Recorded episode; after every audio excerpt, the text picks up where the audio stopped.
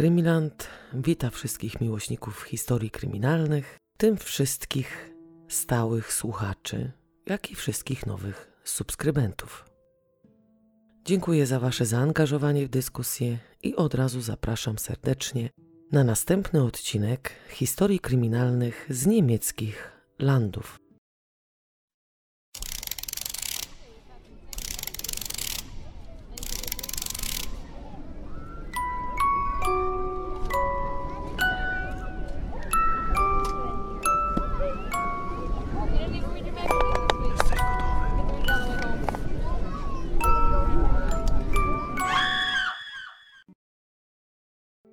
Dziś wybieramy się do Dessau, do miasta, które jest, można powiedzieć, bardzo dobrze znane wśród miłośników architektury. A z tego powodu, że jest znane, to przyciąga z całego świata młodych, ambitnych ludzi, którzy chcą studiować architekturę. Mieszkańcy Niemiec możemy sobie powiedzieć, że jakoś mi tam w ucho to całe Dessau nie wpadło, a niby jest takie słynne. No i jest słynne i jest znane ale wśród ludzi, którzy, jak już wspomniałam, interesują się architekturą. W Dessau znajduje się kompleks budynków, który nazywa się Bauhaus. Budynki zostały wybudowane między 1925 a 1926 rokiem. Wybudował je niemiecki architekt, który stworzył ten kompleks z przeznaczeniem na szkołę sztuki, projektowania i architektury. Najpierw powstał jeden budynek, a później wzniesiono tak zwane domy mistrzów. Ja się nie będę tutaj zagłębiała w ten styl architektoniczny, ale ten kompleks budynków, dla mnie amatorki, wygląda jak zwykłe bloki. Jednak w tamtych czasach te budynki były taką, można powiedzieć, bombą architektoniczną, rewolucją i są tak odbierane przez studentów architektury do dziś. Młodzi ludzie przyjeżdżają do Dessau właśnie po to, żeby obejrzeć te budynki, zrobić im zdjęcia, zrobić jakieś szkice, opisać, jak i poznać albo zobaczyć na własne oczy to cudo. Ciekawostką może być to, że jeden z kraterów na Marsie został właśnie nazwany Dessau. W mieście tym znajduje się Uniwersytet Nauk Stosowanych, na którym studiuje dość spora liczba studentów. Studenci ci pochodzą ze 100 różnych krajów, ale największą grupę stanowią studenci z Chin. Chińczycy co roku próbują i starają się dostać na ten właśnie uniwersytet. Jedną z takich studentek, które przyjechały z Chin do Niemiec studiować właśnie architekturę, jest Yang Jili. Yang Jili urodziła się 9 września 1990 roku w Henan. Jej ojciec jest policjantem, a matka zajmuje się domem. Yang Jili jest jedynaczką. Jak wiadomo, w Chinach prowadzona jest tak zwana polityka jednego dziecka, więc to, że 25-latka nie miała rodzeństwa, jest jak najbardziej zrozumiałe. Prawdopodobnie ma się to zmienić i małżeństwa będą mogły mieć do trójki dzieci, ponieważ według statystyk okazało się, że nastąpił w Chinach masowy spadek urodzeń. Także teraz może już być inaczej. Yang Jili od najmłodszych lat uwielbiała się uczyć, poznawać, doświadczać. Dlatego rodzice praktycznie od momentu, kiedy zaczęła uczęszczać do szkoły, ciułali grosz do grosza, żeby móc wykształcić swą jedynaczkę. Byli z niej dumni i okazywali to na każdym możliwym kroku. W Chinach edukacja kosztuje dużo i często bywa tak, że kwestie ekonomiczne danej rodziny mogą wpłynąć na to, czy ich dziecko skończy studia, czy też ich nie skończy. Yang Jili miała to szczęście, że jej rodzice dobrze gospodarowali finansami. Jak już wspomniałam, ojciec studentki był policjantem. Niestety nie wiem, jakie stanowisko zajmował. A pensje policyjne w Chinach są również różne. Wszystko zależy od stanowiska, jak i miasta, w którym dany policjant pracuje. Z tego co wyczytałam, to pensje wahają się od 3000 juanów do, do 10 tysięcy. Myślę, że ojciec bohaterki tej historii zarabiał coś pomiędzy, bo jedynym żywicielem rodziny był tylko on, a przy tym jeszcze zdołali wykształcić córkę i wysłać ją na studia za granicę. Yang Jili w Henan studiowała architekturę na Uniwersytecie Nauki i Technologii.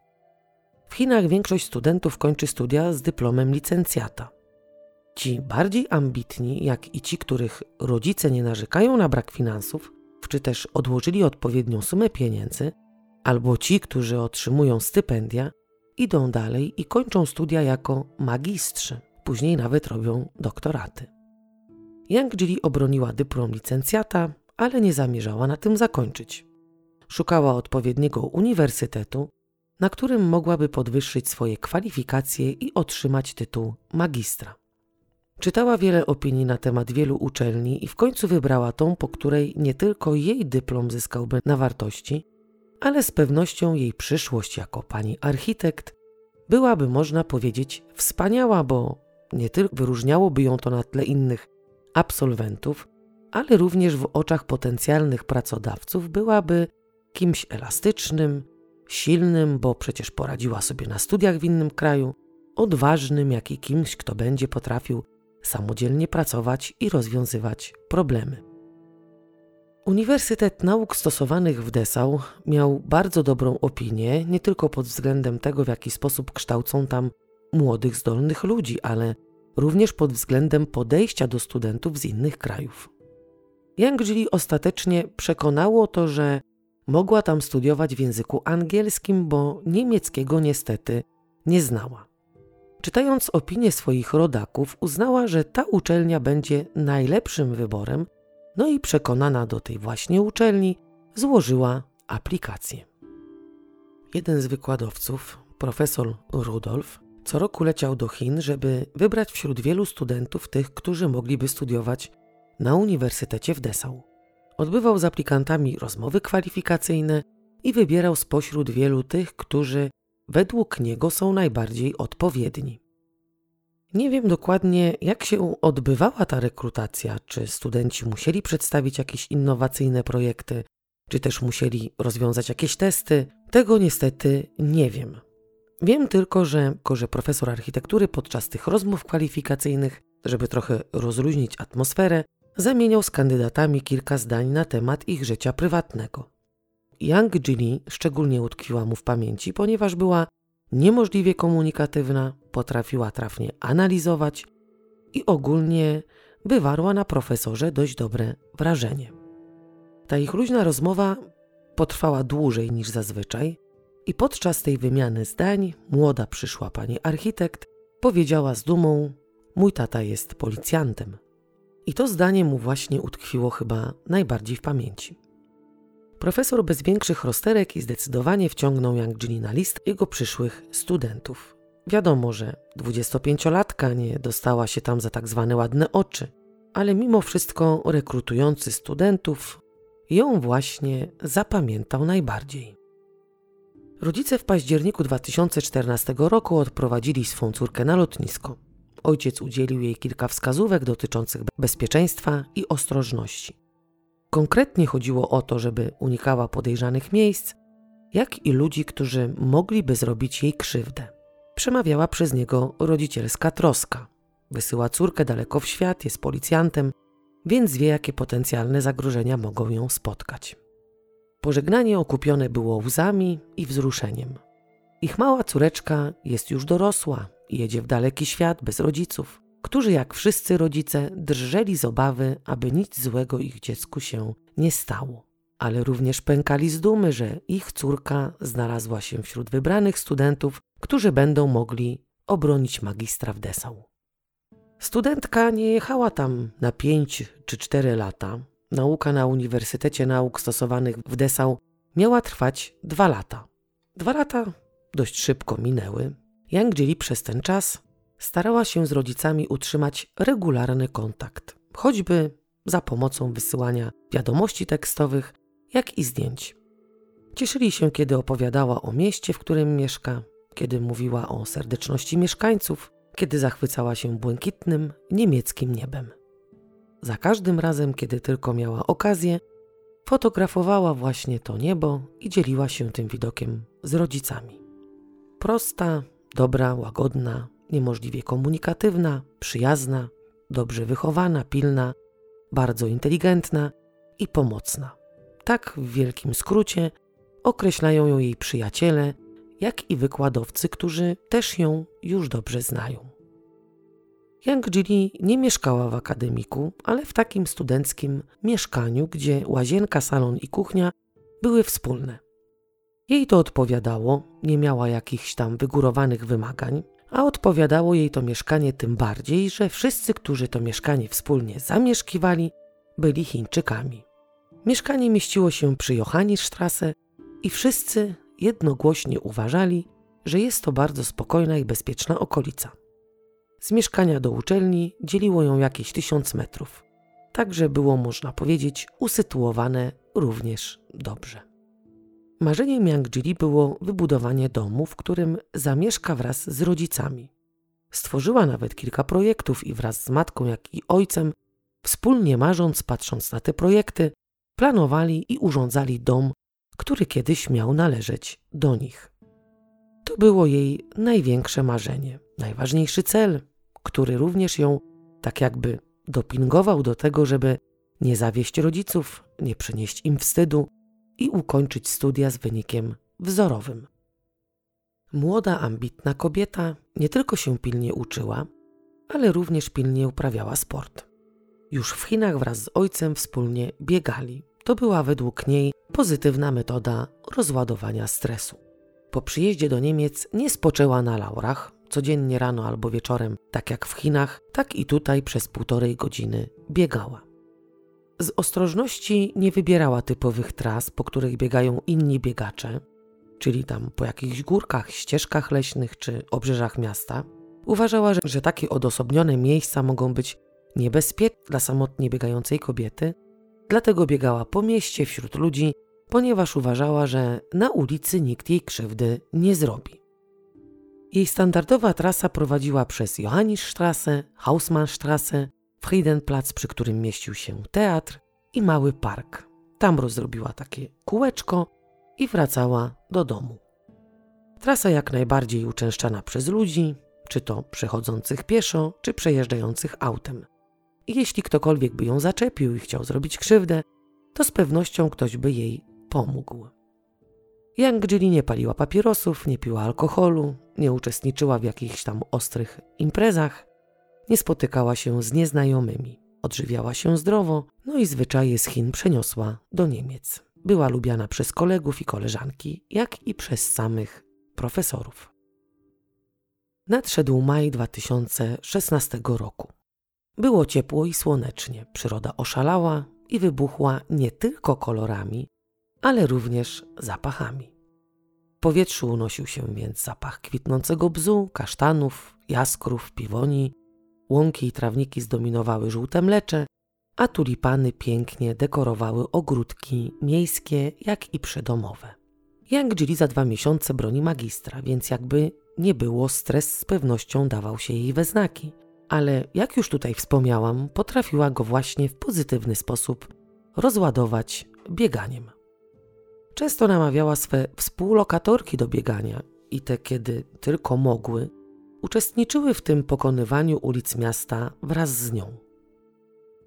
Nadszedł 11 maja 2016 roku. To była ciepła i słoneczna środa. Tego dnia, jak każdego innego, Yang Jilly w planach miała zrobienie tak zwanej rundy po mieście. No i tego dnia planowała pobiegać wieczorem. Po dziewiętnastej wyszła na małe zakupy, w sklepie spotkała koleżankę, którą zachęcała do wspólnego biegania. Jednak tego dnia nikt nie miał chęci iść na wieczorne bieganie. Jedni musieli się uczyć, a inni przyjmowali gości. Więc dwudziestopięciolatce nie pozostało nic innego, jak samej przebiec wyznaczoną już wcześniej trasę. Studentka wróciła ze sklepu, zostawiła w pokoju zakupy, przebrała się w leginsy, szarą bluzę, założyła adidasy, włosy spięła w koński ogon i wyszła z domu. Spieszyła się, ponieważ również z ostrożności chciała wrócić do domu przed zmierzchem, a jeśli nie udało się jej przebiec trasy i robiło się już ciemno, to skracała bieganie i wracała do domu.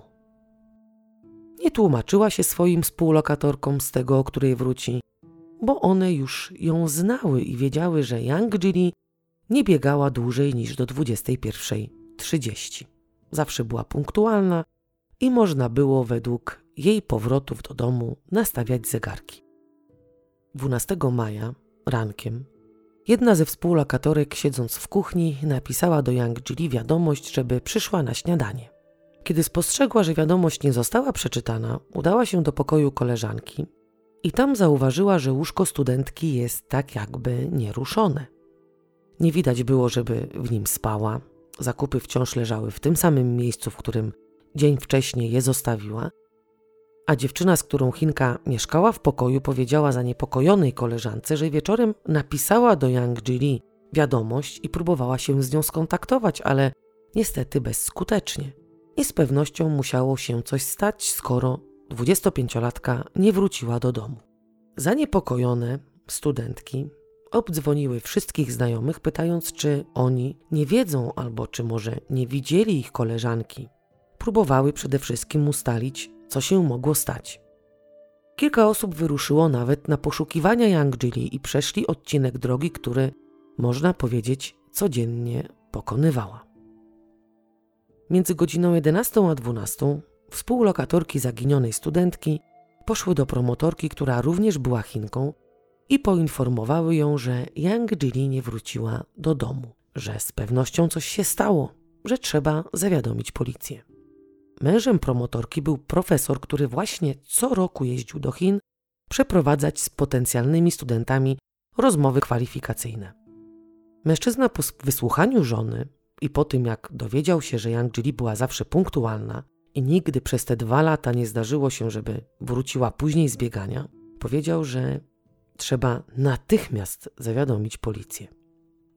Godzinę po zgłoszeniu zaginięcia policja wszczęła zakrojone na szeroką skalę poszukiwania. Masa policjantów wyszła na ulicę miasta. Nad miastem latał helikopter wyposażony w kamerę termowizyjną. Wypytywano przechodniów, pokazując zdjęcie 25-latki, czy nie widzieli zaginionej. Przeszukano mały park mieszczący się przy teatrze. Można powiedzieć, że prawie na kolanach przeczesywano trawę w nadziei na znalezienie jakiegokolwiek śladu. Obdzwoniono również wszystkie szpitale, ale niestety studentka jakby zapadła się pod ziemię.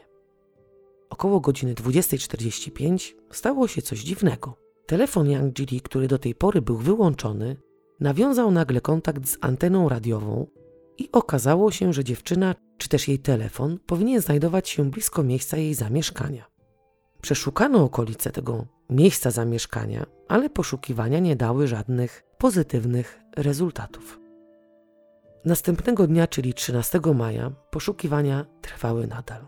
Policja chodziła po mieście, wchodzili, można powiedzieć, wszędzie, gdzie się dało. Z tego, co mi wiadomo, to włazili nawet do piwnic prywatnych domów, które w jakiś tam sposób wydawały im się podejrzane. Karczowali krzaki, które być może wydawały się podejrzane i nie pozwalały policjantom dość dobrze przeprowadzić poszukiwań.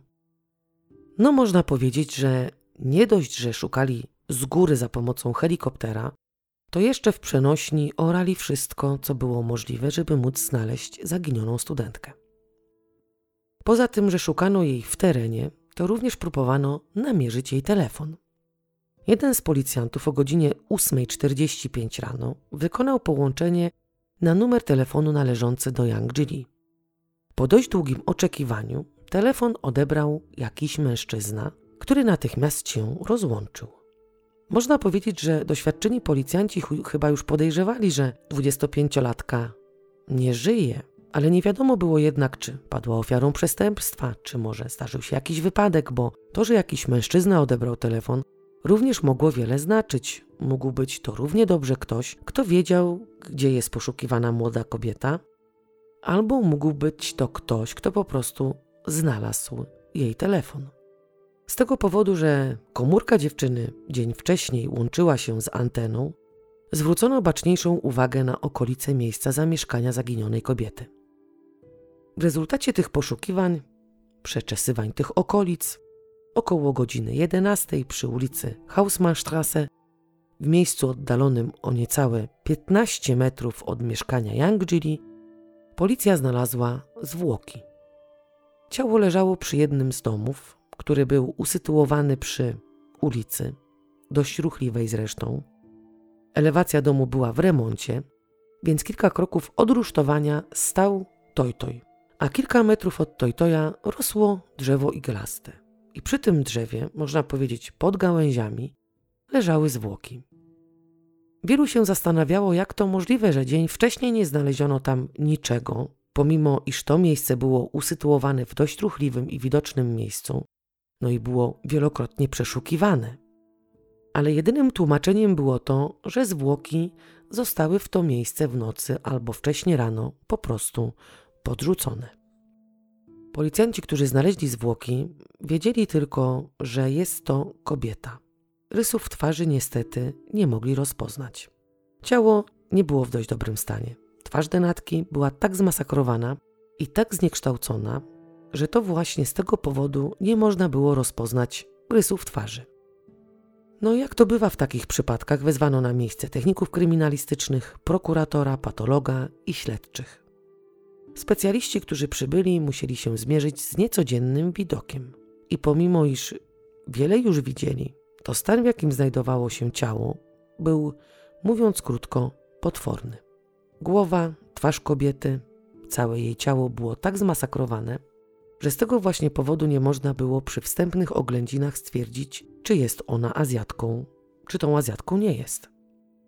Okiem śledczych i patologów została ona nie tylko brutalnie pobita, skatowana, zmasakrowana, ale również brutalnie zgwałcona, ponieważ ślady gwałtu były również, mówiąc potocznie, na pierwszy rzut oka widoczne. Z uwagi na to, że zwłoki znajdowały się w bardzo bliskiej okolicy miejsca zamieszkania Yang Jini, postanowiono powiadomić o tym uniwersytet. Powiedziano wówczas, że znaleziono kobietę niedaleko domu, w którym mieszkają chińscy studenci i w którym zaginiona również mieszkała. Nie powiedziano, że są pewni, iż zwłoki należą do 25-latki. Poinformowali tylko, iż identyfikacji trzeba będzie dokonać za pomocą badań DNA. Promotorka Irilu, żona profesora, który co roku odwiedza Chiny w celu wybrania studentów na swój wydział, postanowiła zadzwonić do rodziców Yang Jili, która miała jakby nie było jeszcze status osoby zaginionej.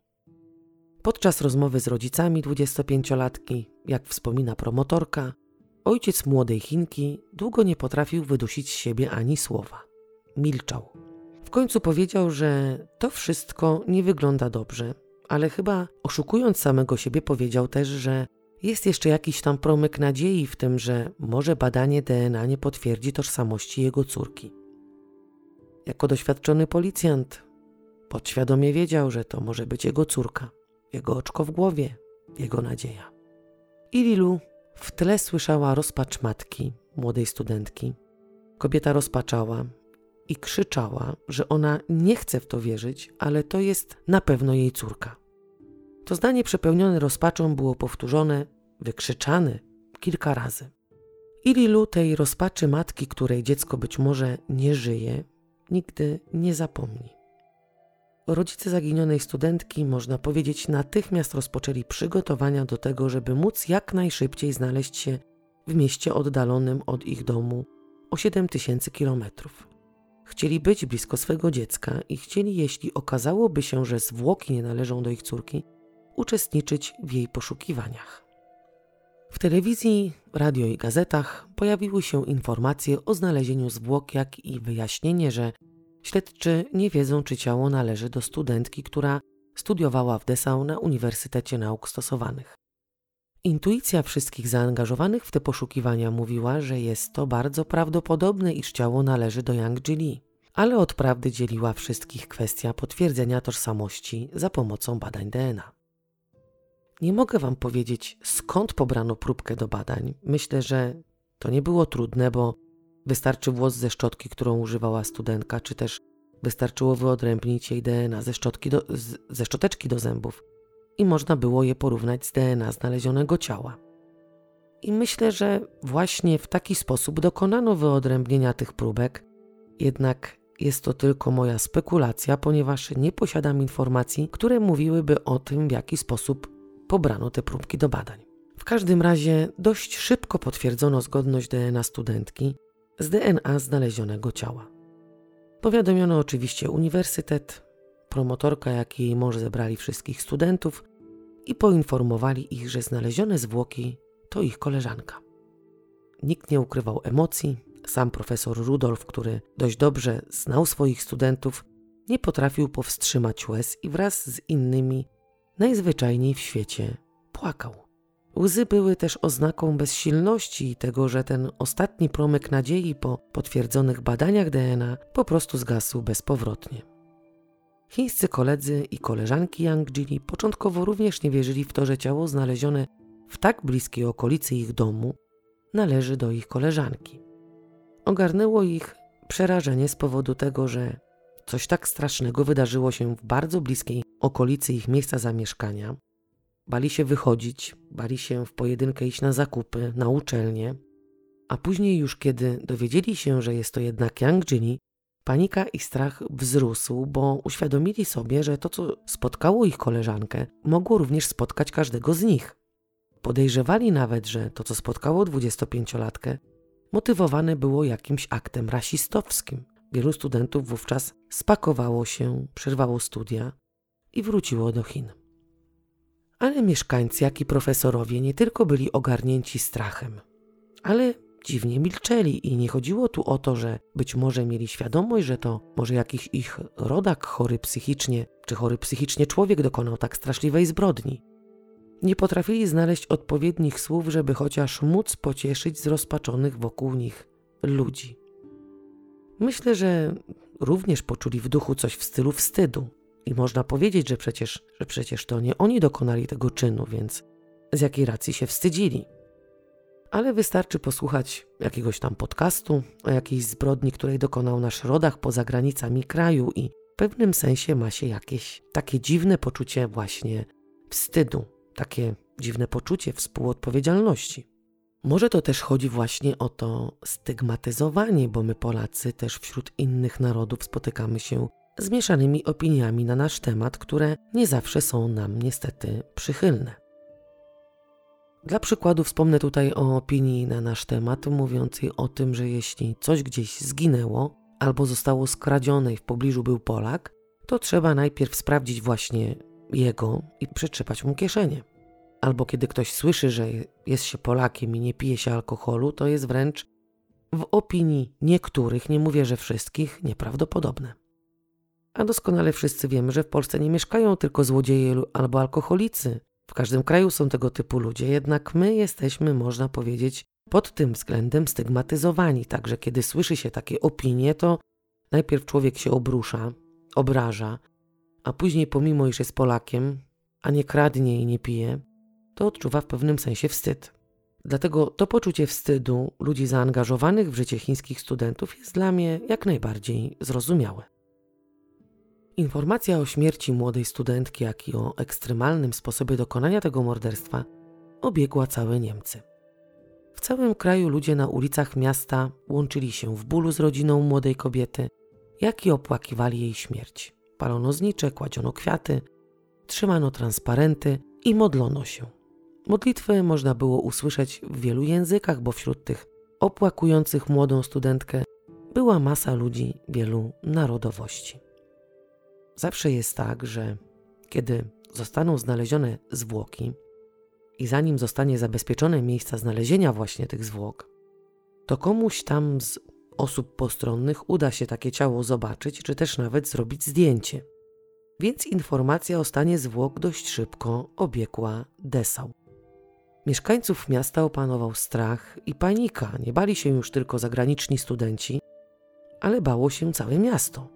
Ludzie niechętnie wychodzili wieczorami z domu. Jeśli ktoś kończył pracę wieczorem, to zawsze ktoś z rodziny starał się tego kogoś odebrać. Rodzice młodych studentów drżeli o życie swoich dzieci, bo po pierwsze sprawca nie został jeszcze ujęty, a po drugie po sposobie dokonania tej zbrodni był to z pewnością człowiek lub ludzie, którzy mieli jakieś poważne zaburzenia i mogło się na jednym morderstwie nie zakończyć. Sprawca bądź sprawcy mogli gdzieś tam czyhać na potencjalną ofiarę i nikt nie chciał, mówiąc potocznie, prowokować losu, także zapanowała zbiorowa panika. Teraz przystąpię do opisywania sekcji zwłok. Nie będzie to szczegółowy opis, ponieważ większość informacji została ukryta. Do wiadomości publicznej zostało podane tylko to, co Wam tutaj za chwilę przedstawię. Sekcja zwłok studentki trwała ponad 6 godzin. Została kilkakrotnie brutalnie zgwałcona, była bita tępym narzędziem, kopana, rzucana, dźgana nożem, wiązana i nawet podtapiana. W raporcie z sekcji zwłok do wiadomości publicznej podano, że miała liczne złamania żeber po lewej, jak i po prawej stronie. Miała złamany jeden z kręgów szyjnych, jak i jeden z kręgów w odcinku lędźwiowym. Ogólnie nie tylko kręgosłup i żebra, ale prawdopodobnie tych złamań było o wiele, wiele więcej. Miała wybite zęby, zmasakrowaną twarz, jak i połamaną czaszkę. Na jej ciele zabezpieczono ślady DNA sprawcy. Dlaczego mówię sprawcy? Mówię tak dlatego, bo zabezpieczone DNA należało do mężczyzny, ale poza tymi śladami na ręce Yang Jili zabezpieczono włos, który miał żeńskie DNA i tego żeńskiego DNA nie można było przypisać do ofiary. Nie było miejsca na ciele Yang Jili, które byłoby wolne od krwiaków i stłuczeń. Według patologów młoda studentka przed śmiercią przechodziła niewyobrażalne męki, a to, że nie mogli jednoznacznie ustalić prawdziwej przyczyny śmierci, czas przeprowadzonej autopsji świadczy o tym, w jakim stanie było ciało denatki. Najbardziej prawdopodobną przyczyną śmierci według lekarzy był zator płucny, jak i dość spore urazy całego ciała spowodowane tępym narzędziem. Osiem dni po znalezieniu ciała rodzice studentki przyjechali do Niemiec. Byli już świadomi tego, że ich córka nie żyje. Wraz z Ililu i jej mężem poszli do mieszkania, w którym mieszkała ich córka. Poszli tam po to, żeby pozbierać jej rzeczy i rozwiązać umowę najmu. Weszli do pokoju Yangjili, zobaczyli na stole wciąż leżące zakupy, które zrobiła przed wieczornym bieganiem 11 maja. Wszystko wyglądało tak, jakby miała zaraz wrócić, jakby za chwilę miała wejść i radośnie przywitać się ze swoimi rodzicami. Ojciec usiadł za stołem i zaczął uderzać w blat pięścią. Za każdym razem coraz mocniej i głośniej. Tak jakby przez te uderzenia jego ból i cierpienie miały się zmniejszyć. Matka natomiast zapłakana zaczęła odruchowo sprzątać, układać, przekładać rzeczy z miejsca na miejsce. I Lilu i Rudolf chcieli ją powstrzymać, jakoś uspokoić, ale ona zapłakana odpowiedziała: Muszę coś robić, cokolwiek, ale muszę. Przekładając tak te rzeczy z miejsca na miejsce, znalazła pamiętnik swej córki, który był przez nią prowadzony do 11 maja. I to tak jakby jeszcze bardziej otworzyło niezagojoną i świeżą ranę w sercach rodziców. Ojciec Yangjili odwiedził również miejsce znalezienia tego, co zostało z jego pełnej życia, mądrej, dobrze wychowanej córki. Obejrzał to miejsce i stwierdził krótko, że morderca mieszka w domu, przy którym zostały znalezione zwłoki, że miejsce znalezienia zwłok to również miejsce zbrodni. Po czym tak sądził? Może to jego policyjny nos tak mu podpowiedział, może intuicja, a może to właśnie ślady krwi, które prawdopodobnie znajdowały się jeszcze na rusztowaniu. Powiedziały mu, że odpowiedź na to, kto, jest, kto zmasakrował młodą studentkę, znajdują się właśnie w tym domu. Niemieccy śledczy natomiast uważali inaczej. Twierdzili, że 25-latka została zamordowana zupełnie gdzie indziej, poza miastem, albo nawet w innym mieście, że ciało zostało po prostu celowo w okolicy jej miejsca zamieszkania podrzucone. Wielu specjalistów, którzy później tą sprawę tak jakby omawiali, zastanawiali się skąd policja wytrzasnęła taką teorię, bo jeśli miałby ktokolwiek transportować ciało, to z pewnością w jakiś sposób starałby się zabezpieczyć zwłoki, no nie wiem, wsadzić w jakąś walizkę, torbę, zawinąć w dywan czy, czy w cokolwiek. A tutaj ciało zostało niechlujnie porzucone, no i było niekompletnie ubrane.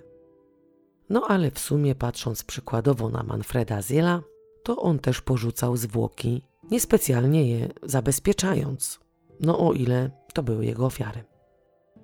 Ojciec młodej Chinki się z tą teorią nie zgadzał, no ale nie miał w tej sprawie, jak i w sprawie prowadzonego śledztwa, nic do powiedzenia. Dlatego rodzice Yang Jili wynajęli adwokata z Berlina, który miał ich reprezentować w sprawach dotyczących aktualnie prowadzonego śledztwa, jak i ewentualnie reprezentować ich w sądzie, jeśli udałoby się policji dorwać bestię.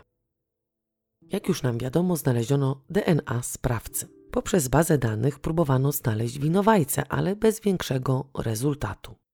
W związku z tym policja wezwała wszystkich mieszkańców do dobrowolnego oddania próbki śliny. Znając historię Michelle z odcinka Dziewczynka z walizki, takie działanie ma również między innymi na celu zaciśnięcia pętli na szyi potencjalnemu sprawcy, pod warunkiem, że sprawcą byłby mieszkaniec Dessau. No i w rezultacie tego ogłoszenia 23 maja, 11 dni po znalezieniu zwłok, krótko przed godziną 11, na policji stawił się 20-letni Sebastian F. i oznajmił, że on i jego dziewczyna dzień, przy, dzień przed zaginięciem studentki uprawiali wspólnie seks w trójkącie z jakąś tam Azjatką. Oczywiście nie znał imienia Azjatki, która brała udział w tej seksualnej zabawie, ale jedno jest pewne, że kobieta wyszła z ich domu w stanie nienaruszonym. Także w razie czego i na wszelki wypadek poszedł na policję powiadomić ich o tym, że z jakąś tam Azjatką uprawiał seks i tą Azjatką może się okazać zamordowana Yang Jili. A co za tym idzie? DNA, które znaleziono na ciele denatki, może należeć do niego. Policja zapytała, w jaki sposób zostało zaaranżowane spotkanie tej trójki, jak para w ogóle poznała tą Chinkę. Mężczyzna odpowiedział wówczas, że on i jego narzeczona zapragnęli seksu z Azjatką. Ksenia, czyli narzeczona mężczyzny, który stawił się na policję, całkiem spontanicznie wyszła na ulicę, oczywiście w poszukiwaniu chętnej Azjatki. Stała przez chwilę na chodniku przed domem i spontanicznie, bo wcale tego oczywiście nie planowała, zaczepiła kobietę, którą właśnie, która właśnie przebiegała obok niej. No i jak ją zaczepiła, to zapytała wprost, czy ta chciałaby wziąć udział w trójkąciku. Chinka się oczywiście zgodziła i poszła z Ksenią do ich mieszkania. Wszystko się odbywało oczywiście za zgodą tej trzeciej, bez żadnego przymusu, także po wszystkim kobieta wyszła z ich domu. Policja oczywiście nie uwierzyła w ani jedno słowo mężczyzny, który pojawił się na komisariacie. Nie wypuścili go, ale kontynuowali przesłuchanie. Kiedy okazało się, że mężczyzna mieszkał w domu, przy którym znaleziono zamordowaną Yang Jili, zapytali tylko, czy para komuś mówiła o tym spotkaniu z Azjatką. Wówczas ten odpowiedział, że powiedział o tym wszystkim swojej matce, a jego matka i ojczym byli policjantami, z tym, że ojczym był szefem policji w Dessau. O 12.37, czyli ponad godzinę po tym, jak na posterunku policji w Dessau pojawił się Sebastian, rozpoczęto tak na poważnie przesłuchanie mężczyzny, a inni śledczy w tym czasie szukali Ksenii. Szukali jej po to, żeby mogła na przykład potwierdzić albo może zaprzeczyć temu, że takie spotkanie miało miejsce. Kobietę spotkali, kiedy ta była akurat w drodze do domu wraz ze swoimi dziećmi. Kiedy doprowadzono Ksenię na posterunek, grupa specjalistów została wysłana do mieszkania, w którym ta para właśnie mieszkała. Oczywiście ani Ksenia, ani Sebastian nie wiedzieli o tym, że trwa przeszukanie domu, w którym mieszkali. Oni byli po prostu przesłuchiwani, a inne czynności odbywały się tak jakby za ich plecami. Dom, w którym to jeszcze kilka dni temu para mieszkała, to była kamienica połączona tak jakby murem z domem stojącym naprzeciwko tej kamienicy. Ten mur i to połączenie sprawiało wrażenie takiego jakby dziedzińca. W kamienicy były dwa mieszkania, jedno puste na pierwszym piętrze, a drugie znajdujące się na drugim piętrze zajmowała właśnie Ksenia wraz z Sebastianem i dwójką dzieci. W pustym mieszkaniu na pierwszy rzut oka niczego nie znaleziono. Wszystko było w jak najlepszym porządku. I gdyby nie znaleziono na framudze drzwi widocznych śladów krwi, być może zostawiliby to mieszkanie i stamtąd wyszli ale te ślady wyglądały na takie, jakby ktoś po prostu o nich zapomniał i zapomniał ich zmyć.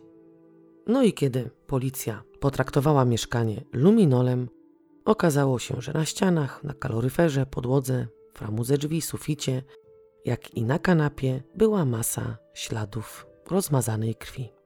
Na klatce schodowej również znajdowały się ślady krwi. W rezultacie zabezpieczono 300 śladów. Nie muszę tutaj mówić, że Sebastian i Ksenia zostali od razu aresztowani jako głównie podejrzani o dokonanie brutalnego morderstwa. Kiedy zakuwano ich w kajdanki, Sebastian, który jest dość rosłym mężczyzną, uderzył w płacz i wył jak małe dziecko, wzywając mamę. Dzień później, czyli 24 maja, rodziców Yang Jili spotkał następny cios.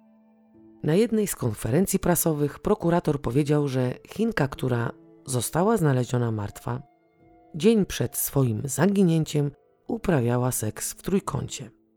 Nie nadmienił natomiast nic na temat tego, że mężczyzna jest synem policjantki pasierbem szefa policji, nie powiedział nic o znalezionych śladach krwi, ani nie nadmienił, że ten trójkąt to może być po prostu kłamstwo.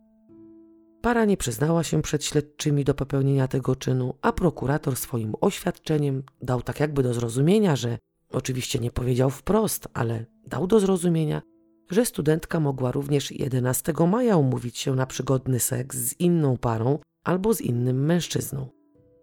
Rodzice oglądający tą konferencję prasową zaczęli krzyczeć, że to niemożliwe, że znają swoją córkę, że wiedzą, iż nigdy tego by nie zrobiła. W ogóle byli bardzo oburzeni tym, że policja chroniła sprawcę, a nie ofiarę.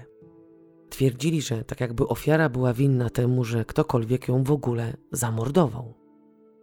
Prawdą jest to, że rodzice zawsze dowiadują się ostatnio o tym, co też jego dzieci robią, więc to, że ojciec i matka studentki zaprzeczali temu, iż córka poszłaby z kimkolwiek obcym na seks, było chyba dla prokuratora nieistotne. Mogło i tak się zdarzyć, że, że mogła pójść dobrowolnie, bo wiele razy słyszy się, że dzieci robią różne rzeczy, tym bardziej, że dziewczyna można powiedzieć, mogła się zachłysnąć inną kulturą, czy też życiem na wolności bez srogiego spojrzenia matki czy ojca, ale w przypadku Yang Jili rodzice byli stuprocentowo pewni, że ich córka nigdy w życiu czegoś takiego by nie zrobiła. To był dla nich potężny cios i uderzenie w honor rodziny, jak i dobre imię ich córki. Po drugie, koleżanki 25-latki, jak i jej koledzy, którzy mogli wiedzieć coś więcej o jej życiu, również zaprzeczali temu, żeby kiedykolwiek ich koleżanka wspominała o tym, że, że seks jest dla niej aż tak ważny i że spotkania z przygodnymi partnerami są dla niej istotne. Znalazła się również dziewczyna, która tego dnia, kiedy to miał się odbyć ten przygodny seks w trójkącie, w godzinach podanych przez podejrzanych, widziała Yang Jili niedaleko dworca i kilka dobrych minut rozmawiały ze sobą, więc sytuacja opisana przez Sebastiana, jak i przekazana później do wiadomości publicznej przez prokuratora, była kłamstwem. No i to właśnie uderzyło podwójnie w rodziców zamordowanej studentki. Z tego powodu, że matka podejrzanego, jak i jego ojczym zajmowali dość poważne stanowiska w policji, śledczy postanowili sprawę morderstwa oddać w ręce policji z Hale. Nie chciano dopuścić do żadnych konfliktów ani do prawdopodobnego mataczenia. Podejrzewano tak dlatego, że okazało się, iż dzień po morderstwie Sebastian telefonował do matki 10 razy. Matka również wykonywała wiele połączeń do syna i reasumując tych wszystkich połączeń było ponad 40. Ostatni telefon został wykonany wieczorem, dzień przed zgłoszeniem się mężczyzny na policję. Śledczy nie mieli pojęcia, o czym matka z synem rozmawiali, ale co jest takim, można powiedzieć, podejrzanym zachowaniem, to właśnie to, że matka Sebastiana zgłosiła się jako pomoc podczas prowadzenia śledztwa dotyczącego morderstwa Yang Jini. No i śledczy podejrzewają, iż matka instruowała syna, co powinien robić i co powiedzieć. Ramona, czyli matka podejrzanego, powiedziała, że ten ostatni telefon, który wykonała w przeddzień zgłoszenia się jej syna na policję, wykonała oczywiście na telefon jej dziecka, ale nie rozmawiała z nim tylko z Ksenią.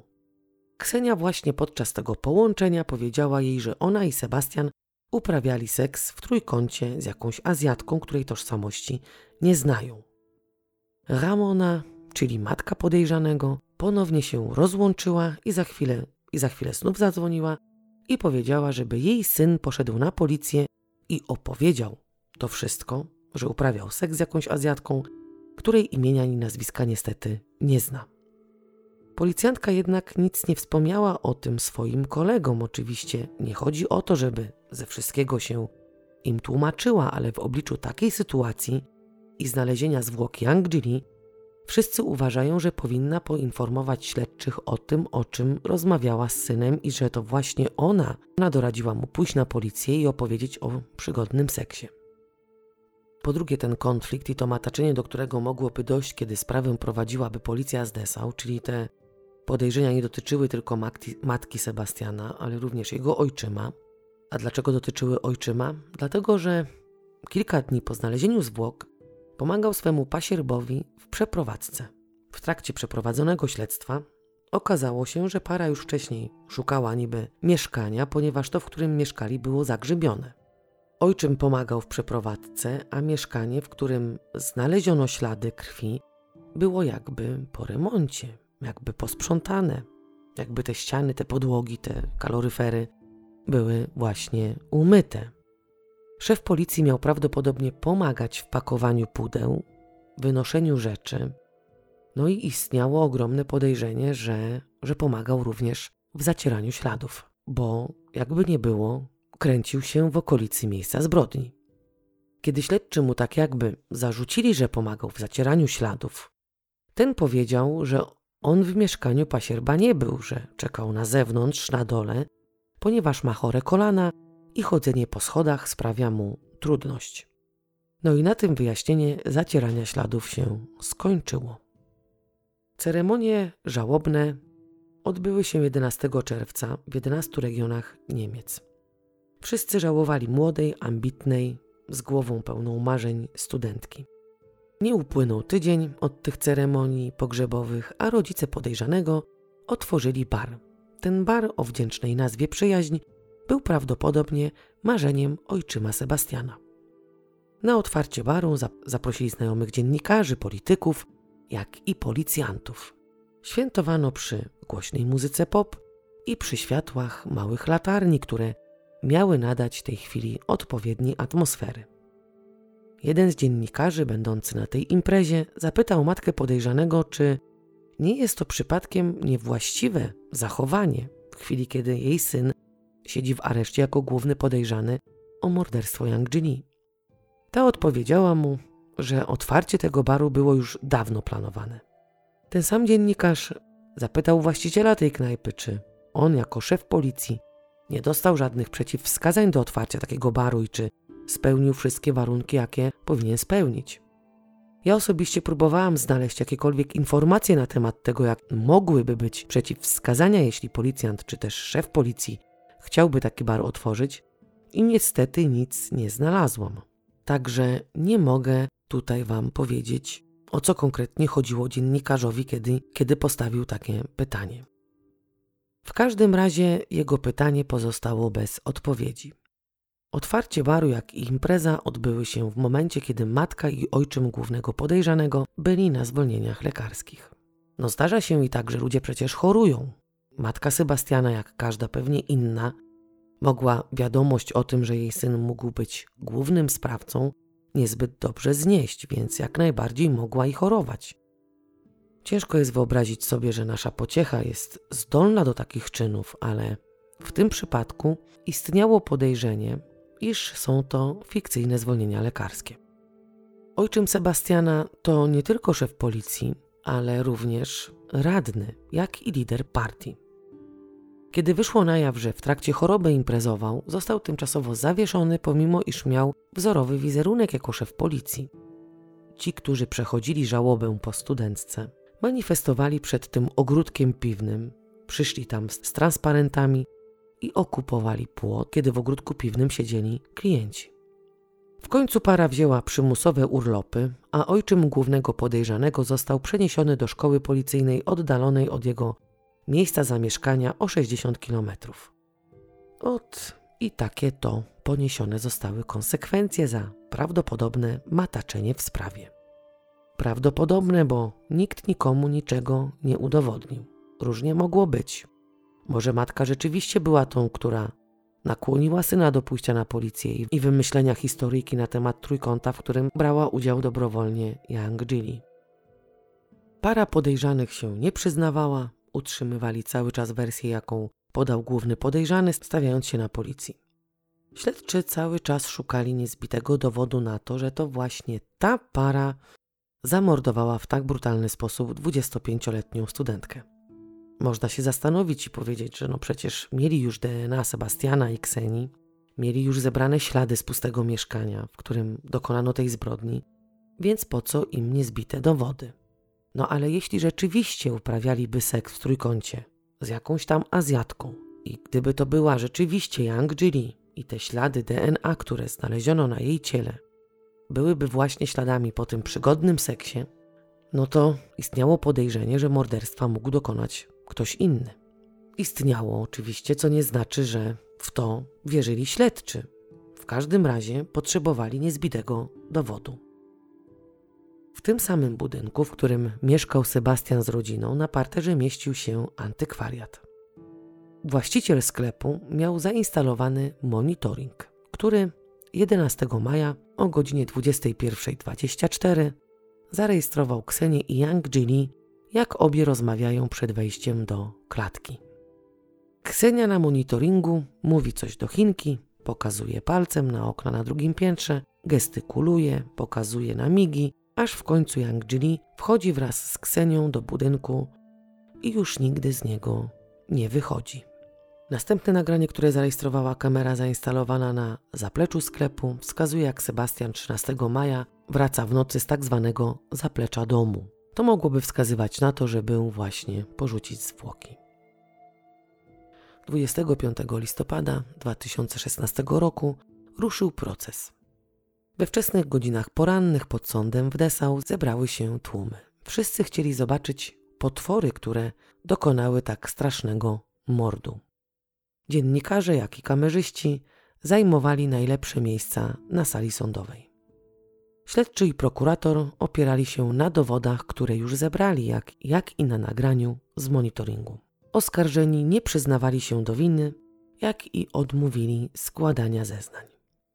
Obecni na sali rozpraw byli świadkami opisów sekcji zwłok, jak i obrażeń, jakich doznała studentka. No i byli, krótko mówiąc, zszokowani i przerażeni. Po wielu miesiącach milczenia, 16 stycznia 2017 roku, Ksenia postanawia wyjawić prawdę.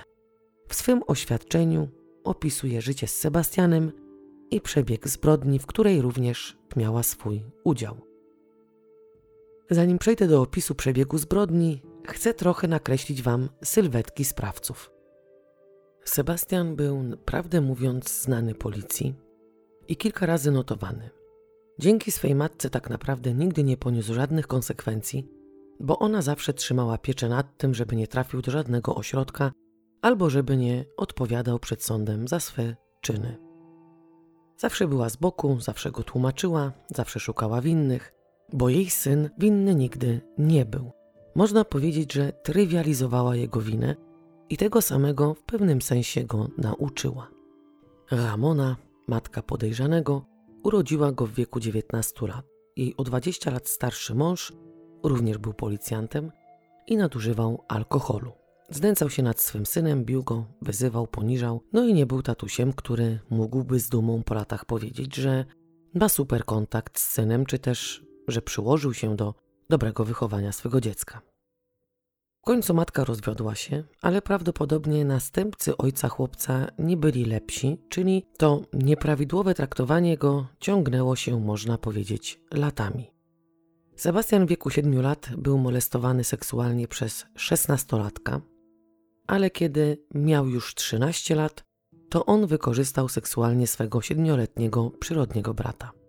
Z uwagi na to, że miał 13 lat, to nie poniósł odpowiedzialności karnej. W niemieckim prawie dzieci poniżej 14 roku życia, zgodnie z paragrafem 19 kodeksu karnego, nie ponoszą odpowiedzialności karnej, co nie znaczy oczywiście, że nie, że nie ponoszą żadnych konsekwencji. Często bywa tak, że tymi konsekwencjami są kary pieniężne i Nie chodzi tutaj przykładowo o zbitą szybę w aucie i rodzice, i rodzice dzieci ponoszą koszta ponownego jej wstawienia. Tym przypadku konsekwencją mogły, mogłoby być to, że to dziecko, które było molestowane przez Sebastiana, potrzebowało terapii, wsparcia psychologa i za taką terapię czy też za takie wsparcie koszta ponosiłaby matka sprawcy. Ogólnie dzieci do 13 roku życia według mądrych głów, którzy ustanawiają to prawo, nie mają tak jakby zdolności do oceny swoich czynów pod kątem wyrządzania zła. Dzieci od 14 roku życia ponoszą już odpowiedzialność karną i stawiane są przed sądem dla nieletnich. Także w związku z tym, co tutaj Wam już przedstawiłam, Sebastian nie stanął przed sądem i z tego, co mówią źródła, nie poniósł większych konsekwencji, dlatego że matka trzymała nad tym pieczę. Od wczesnego dzieciństwa podejrzany wykazywał zaburzone zachowania społeczne, cierpiał na zespół nadpobudliwości, zdiagnozowano u niego również ADHD, gryzł, drapał i bił dzieci. Matka oczywiście zawsze była z boku i szukała winy w innych dzieciach, a nie w swym synu. Nauka w szkole nie szła mu zbyt dobrze i z tego powodu przeniesiono go do szkoły specjalnej. Przez jakiś czas chodził na terapię, ale ją przerwał, oczywiście za zgodą matki. Edukacji nie pociągnął dalej, zakończył ją na ósmej klasie. Dopiero w wieku 16 lat można powiedzieć, że jego życie się w pewnym sensie ustabilizowało. Nowy ojczym miał, można, można rzec, na niego dość dobry wpływ. Takie oczywiście było przekonanie innych. Według psychiatrów życie Sebastiana to była jedna wielka trauma. W związku z tym, że do 20 roku życia sprawcy stawiani są przed sądem dla nieletnich, sąd musiał otrzymać opinię biegłego psychiatry, ponieważ według prawa, jeśli okazałoby się, że jest niedojrzały emocjonalnie, powinien właśnie stanąć przed sądem dla nieletnich. I to właśnie opinia biegłego miała być znacząca i wpłynąć na podjęcie decyzji o postawieniu go przed sądem dla dorosłych. Psychiatra, który badał podejrzanego, stwierdził, że mężczyzna jest zupełnie pozbawiony empatii i jest wyjątkowo zimnym człowiekiem. Sebastian nie wykazywał poczucia winy, wstydu, ani nie miał wyrzutów sumienia. Nie miał jakichś większych przemyśleń w stosunku do tego, co się wydarzyło, a po drugie żadnej winy w sobie nie widział. Mówił krótko: Jestem jaki jestem i to, co myślą o mnie inni, mnie po prostu nie interesuje. Psychiatra wystawił zatem diagnozę: połączone zaburzenia osobowości z dysocjacyjnymi narcystycznymi cechami. Dodał z naciskiem, że Sebastian jest podręcznikowym narcyzem. Przez ten czas, kiedy główny podejrzany dorastał, policja badała go 30 razy, a tylko 4 razy był tak jakby skazany, jednak nie spędził ani jednego dnia za kratkami.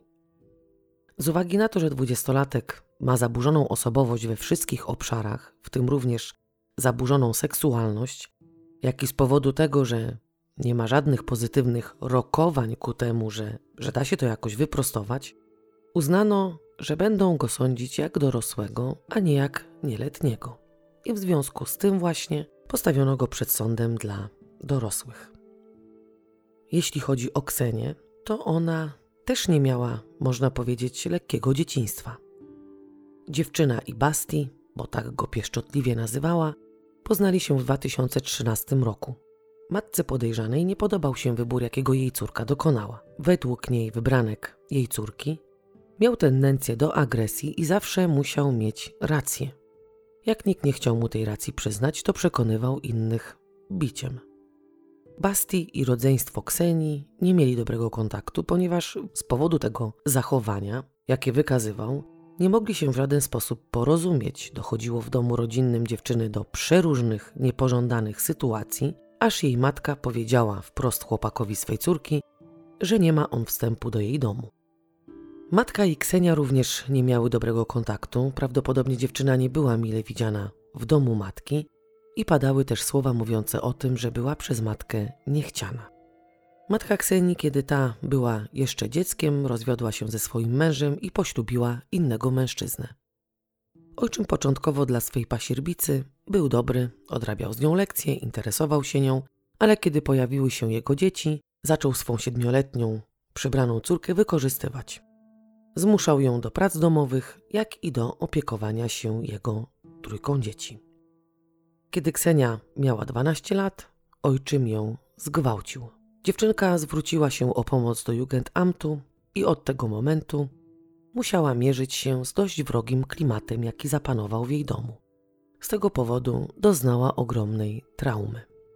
Ojczym za gwałt został skazany i prawdopodobnie trafił do więzienia na długie lata. Nie posiadam jednak informacji, na jak długo zamknięto go w więzieniu. Ksenia była dzieckiem wycofanym, powściągliwym i nienawidziła przemocy. Po tym, co przeszła w dzieciństwie, cierpi na zaburzenia osobowości z powodu niepewności i unikania. Według biegłych, kobiety typu Kseni szukają dominujących partnerów i często wpadają w sidła narcystycznych mężczyzn. Często przechodzą od jednego trudnego związku w drugi. Psychiatrzy uznali, że Ksenia jest mistrzynią represji. Dwudziestolatka ma dotkliwe poczucie niższości, konsekwentnie negatywny obraz siebie oraz żyła w autodestrukcyjnym i, pod, i podporządkowanym związku. Według psychiatry związek z Sebastianem był nacechowany niewolą. Ksenia czuła skrajne lęki przed samotnością i porzuceniem. W związku z tym, że dwudziestolatka ma znaczne opóźnienie w dojrzewaniu, ale jednocześnie istnieje szansa, że to dojrzewanie będzie się pozytywnie rozwijało, oczywiście rozwijało w stabilnym środowisku, postanowiono postawić Ksenię przed sądem dla nieletnich. Ksenia zaszła w pierwszą ciążę w wieku 16 lat, także poznając Sebastiana w 2013 miała już dziecko, chłopca. Krótko po poznaniu się tej pary, w tym samym roku, w którym się poznali, Ksenia zachodzi w swoją drugą, a pierwszą ciążę z Bastianem. Na świat przychodzi ich wspólny syn. Kobieta niechętnie mówi o tym, że praktycznie zaraz po porodzie zaszła w ciążę z trzecim dzieckiem.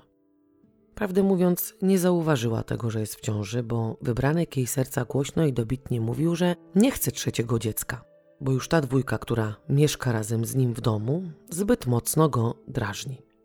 Okazywał niezadowolenie z posiadania dzieci na każdym kroku. Był szczególnie brutalny w stosunku do swego pasierba. Kiedy chciał go zdyscyplinować, brał chłopca za nogi i zanurzał jego głowę w beczce, w której zbierana była deszczówka. Trzymał go w tej pozycji dość długo, chłopiec się szarpał i można powiedzieć, że był sukcesywnie podtapiany. To nie jedyna tortura, jaką stosował Basti w stosunku do pasierba. Kontrolował Ksenię na każdym kroku, czytał jej korespondencję, trzymał ją z dala od innych. Chciał wiedzieć, z kim pisze, o czym pisze, bo nie wolno jej było nikomu mówić o tym, co się w jej życiu dzieje. Nie mogła iść do ginekologa, chciała się oczywiście zabezpieczyć przed kolejną ciążą, ale nie mogła tego zrobić, bo jej mąż jej na to nie pozwalał. No i jak już tutaj wspomniałam, praktycznie zaraz po porodzie w tym samym roku zaszła w ciążę z trzecim dzieckiem. Jak sama twierdzi, nie zauważyła tego, że jest w ciąży, nie zauważyła sygnałów, bo no bo się bała. Uświadomiła sobie ciążę dopiero podczas porodu, który odbył się w ogrodzie, który mieścił się na tym właśnie dziedzińcu tego domu w 2015 roku. To był drugi wspólny syn tej pary, a trzecie dziecko Kseni. Chłopczyk kilka miesięcy po urodzeniu zmarł. Nie są znane mi niestety przyczyny śmierci trzeciego dziecka tej pary. Sebastian codziennie bił Ksenię, chodziła posiniaczona od stóp do ramion. Podczas bicia nie ruszał jej twarzy, bo wiedział, że będzie to dla innych widoczne. Bił ją za każde najmniejsze przewinienie, ale również uwielbiał sadomasochistyczny seks. Więc podczas tych seksualnych uniesień również się jej obrywało. Podduszał ją i wiązał. Nie powstrzymywały go nawet wymioty Kseni.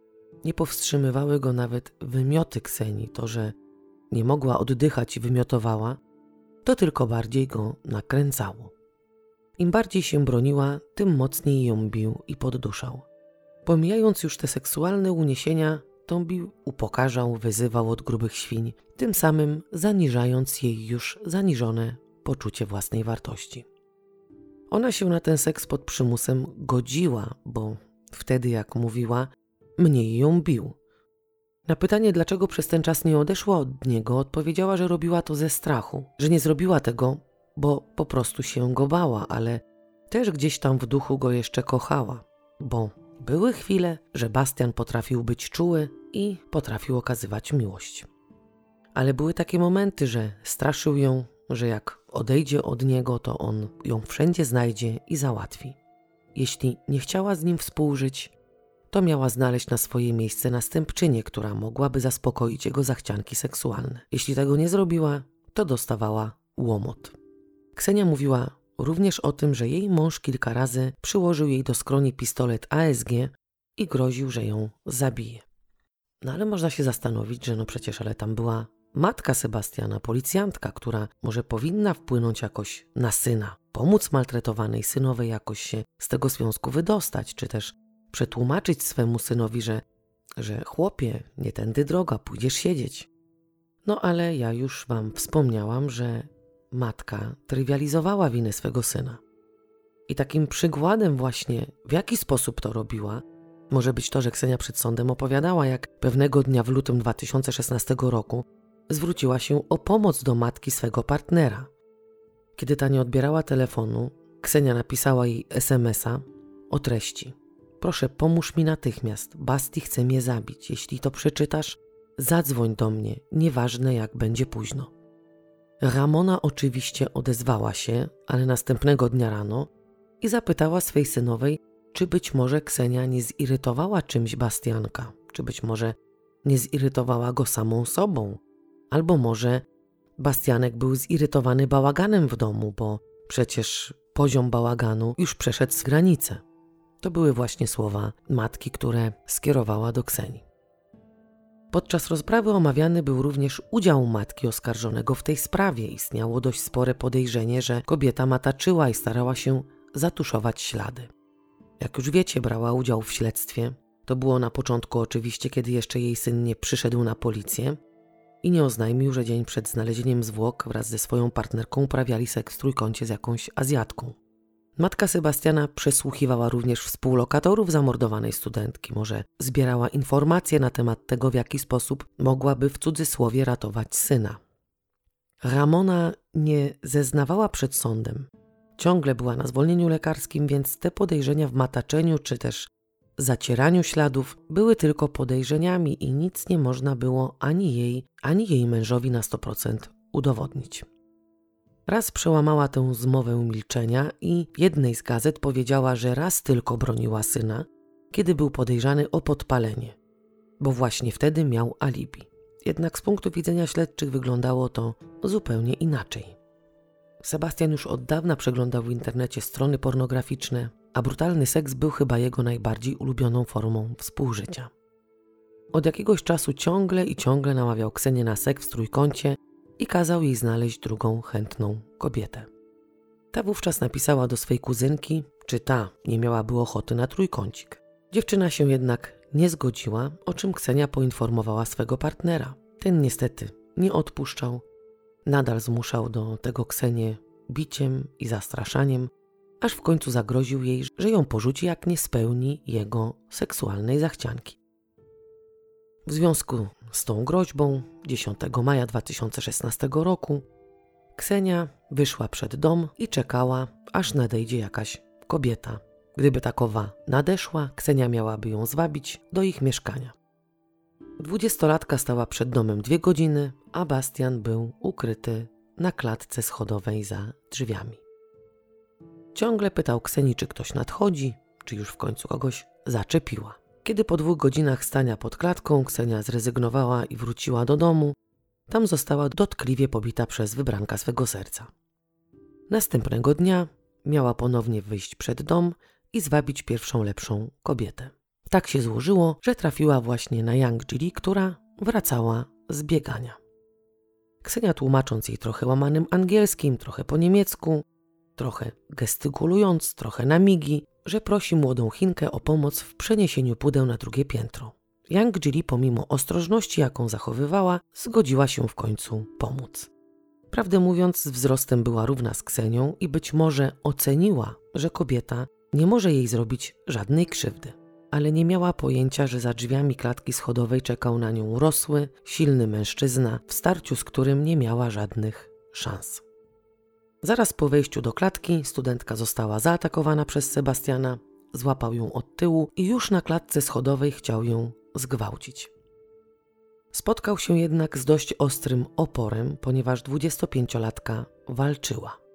Na klatce pobił ją dotkliwie i zaciągnął do pustego mieszkania na pierwszym piętrze. W mieszkaniu nie było światła, więc Ksenia stała na klatce i ciągle włączała mu światło, żeby Bastian mógł cokolwiek widzieć i żeby wiedział, gdzie zaciągnąć do którego pomieszczenia Chinkę. Następnie pomogła mu rozebrać ciągle walczącą o życie studentkę. W planach mieli związanie jej nóg. Oczywiście podczas tego rozbierania, prób wiązania, ofiara była cały czas bita. Ksenia za pomocą translatora, który tłumaczył słowa na chiński, zadała Yang Jili pytania. Pierwsze dotyczyło tego, czy studentka cierpi na jakieś choroby weneryczne, a drugie, czy ma chłopaka, który mógłby zgłosić jej zaginięcie. Yang Jili nie odpowiedziała na te pytania. Yang Jili cały czas krzyczała i z tego powodu, jak stwierdziła Ksenia, Sebastian ją bił, kopał, uderzał czym popadnie, no i dźgał. W pewnym momencie wziął Ksenię za rękę, włożył ją w pochwę Chinki i zachęcał swą żonę do wspólnej zabawy. Ksenia jednak odmówiła. Po tej wstępnej pomocy postanowiła iść do ich wspólnego mieszkania, zająć się dziećmi i wziąć prysznic. Zostawiła tam Sebastiana sam na sam z przerażoną studentką. No on prawdę mówiąc obiecał Ksenii, że jej nie zabije. Dziewczyna cały czas krzyczo, krzyczała i wzywała pomocy, a Sebastian ją maltretował, bił i wielokrotnie gwałcił. Gwałcił ją na wszystkie możliwe sposoby. Męki i agonia Yang Jili trwała trzy godziny. Po trzech godzinach Ksenia zeszła do mieszkania, w którym odbywały się tortury i tam została poinformowana przez Sebastiana o tym, że Yang Jili nie żyje. Na pytanie, dlaczego to zrobił, bo obiecał przecież, że jej nie zabije i ją wypuści, ten odpowiedział: Zrobiłem to, bo mogłem.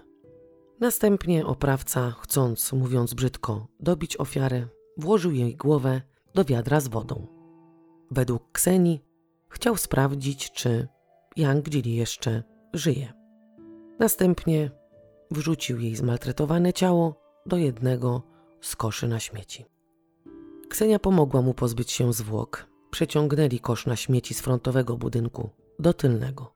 Tam umieścili ciało w oknie na parterze. Sebastian wyszedł na zewnątrz i czekał z drugiej strony budynku pod oknem. Ksenia wypchnęła ciało zmaltretowanej kobiety przez okno. Sebastian złapał zwłoki i rzucił je z hukiem pod krzakiem niedaleko Tojtoja. Jak już wspomniałam wcześniej, na ciele Yang Jili nie było miejsca, które nie było sine. Twarz była zniekształcona, przez co nie można było rozpoznać jej rysów. Prawdopodobnie po wyrzuceniu jej i pozostawieniu pod gałęziami drzewa iglastego, maltretowana studentka jeszcze żyła. Po 36 dniach negocjacji w sierpniu 2017 roku sąd skazał Sebastiana F. na dożywocie za wielokrotny gwałt i pobicie ze skutkiem śmiertelnym. Dodatkowo ustalono szczególną wagę winy i zaznaczono, że mężczyzna nie może zostać zwolniony z więzienia po 15 latach. Jego zwolnienie może nastąpić po 17 albo 25 latach. Wszystko będzie zależało od opinii biegłych. Ksenia natomiast została skazana na 5,5 roku więzienia za napaść seksualną. Dodatkowo on i ona musieli zapłacić odszkodowanie rodzicom chińskiej studentki w wysokości 60 tysięcy euro. Prokurator i oskarżyciel, i oskarżyciel posiłkowy, który reprezentował rodziców Yang Jili, wnieśli o odwołanie. Chodziło im konkretnie o to, że Ksenia dostała zbyt niski wyrok. Powinna, tak jak jej partner, spędzić resztę życia w więzieniu. Trybunał Sprawiedliwości jednak utrzymał oba wyroki w mocy. Dziś Ksenia jest już prawdopodobnie wolnym człowiekiem. Przyjaciele Yang Jili zasadzili krzak białej róży w miejscu, w którym znaleziono jej zwłoki. Zrobili to po to, żeby uczcić pamięć po niej.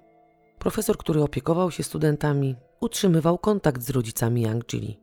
Według niego zaakceptowali wyrok, bo prawdę mówiąc, nic innego już im nie pozostało. No i na tym kończy się ta historia. Jestem ciekawa, co sądzicie o tej sprawie. Koniecznie dajcie znać w komentarzach. życzę Wam wszystkiego dobrego. No i do usłyszenia wkrótce.